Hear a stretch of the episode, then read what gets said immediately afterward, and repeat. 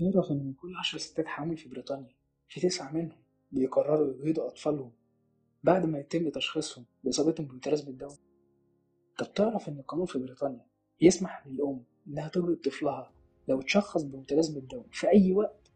لكن بيعاقب نفس الست دي لو في أي ظروف تانية عادية.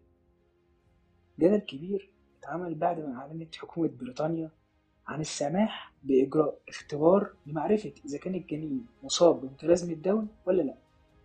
قرار واجه معارضة شديدة خاصة بعد تقرير نشره الكونجرس بيقول فيه إن نسبة 67% من الستات بتقرر إجهاض أطفالها لو تم تشخيصهم بإصابتهم بمتلازمة داون السؤال هل لو تم تشخيص ابنك أو بنتك بإصابتهم بمتلازمة داون والقانون بيسمح لك بالإجهاض؟ هل هتقبل ده ولا هترفضه؟ كوباية القهوة بتاعتك وخليك معايا. ولو بتسمعنا على الفيسبوك أو ال SoundCloud أو Spotify متنساش ال like وال share.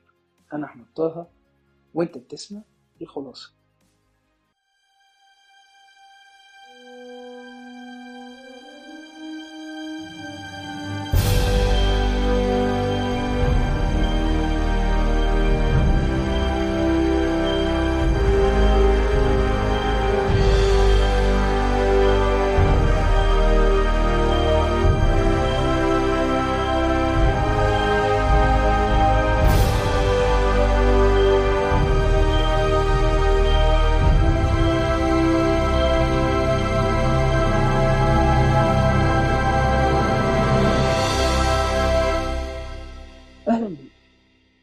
ما يميزنا كبشر هو هويتنا ومن نحن وليس المشاكل التي نواجهها. ده مش كلامي ده كلام هايدي كروتر الناشطة الحقوقية في مجال مناهضة الإجهاض واللي اختارتها بي بي سي ضمن 100 امرأة من النساء الملهمات سنة 2022 وعلى فكرة هايدي كروتر من المصابين بمتلازمة داون بس هي إيه متلازمة داون دي أصلا؟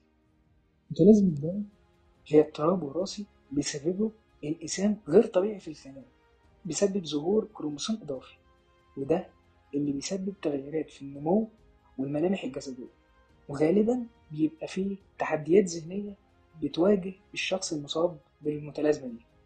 في 2018 قررت الحكومة البريطانية إنها تدخل في نظام الرعاية الصحية بتاعها اختبار اختياري للنساء الحوامل اللي بيسمح لهم إن هما يحددوا إذا كان الجنين ده مصاب بمتلازمة داون ولا لأ.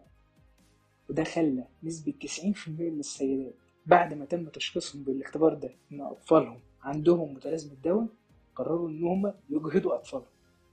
في تصريح هايدي كروتر للبي بي سي قالت إن القانون بيسمح بالإجهاض في أي وقت طول فترة الحمل بسبب أشياء يمكن تصحيحها بسهولة.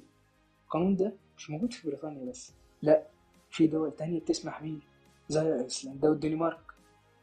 وفي تصريح مخيف للأمم المتحدة بتقول إن الأطفال ذوي القدرات الخاصة أكثر عرضة للعنف بأربع أضعاف مقارنة بالأطفال الآخرين. لكن في مصر تم تحديد قوانين بتساعد وبتوظف الأشخاص ذوي القدرات الخاصة في القطاعين العام والخاص بنسبة 7% وده عشان يتم الاستفادة من قدراتهم وتشجيعهم. وفي مصر في مدينة طنطا تم إنشاء مشروع نموذجي لتأهيل وعلاج مرضى متلازمة داون بالمجان وعشان يساعدهم إن هم يندمجوا في المجتمع. المشروع ده كان اسمه سفينة نوح أو الفلك.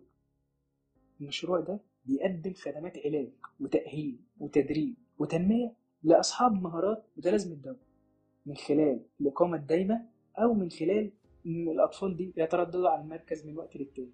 مش بس كده مصر كمان في السنين الأخيرة اهتمت بالملف ده جدا.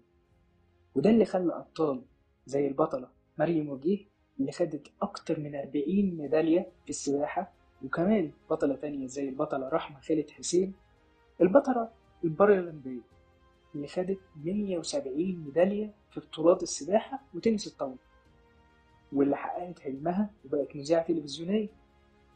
وبطل تاني هو البطل محمد كرم اللي نجح في الحصول على شهادة دولية من اتحاد مدربي الغوص المحترفين اللي هو بدر وغيرهم أبطال كتير. وعشان الأبطال دي وغيرهم اعتمدت الجمعية العامة للأمم المتحدة في ديسمبر 2011 يوم 21 مارس يوم عالمي لمتلازمة الدم بيتم الاحتفال بيه سنويا. واختم كلامي بكلام نجيب محفوظ من يستهين بحق إنسان في أقصى الأرض فقد استهان بحقوق الإنسانية جميعا. أتشرف بانتمائك ليا يا صديقي. ما تنساش تشوف المصادر اللي تحت. ولو في أي تعليق أتشرف بالرد عليه على صفحتي على الفيسبوك أو صفحة البودكاست على ال SoundCloud أو Spotify صفحة الخلاصة مع أحمد طه ولو بتستفيد من المحتوى اللي بقدمه ياريت تدعمني بال like وال share. كنت معك أنا أحمد طه وأنت وأنت بتسمع الخلاصة.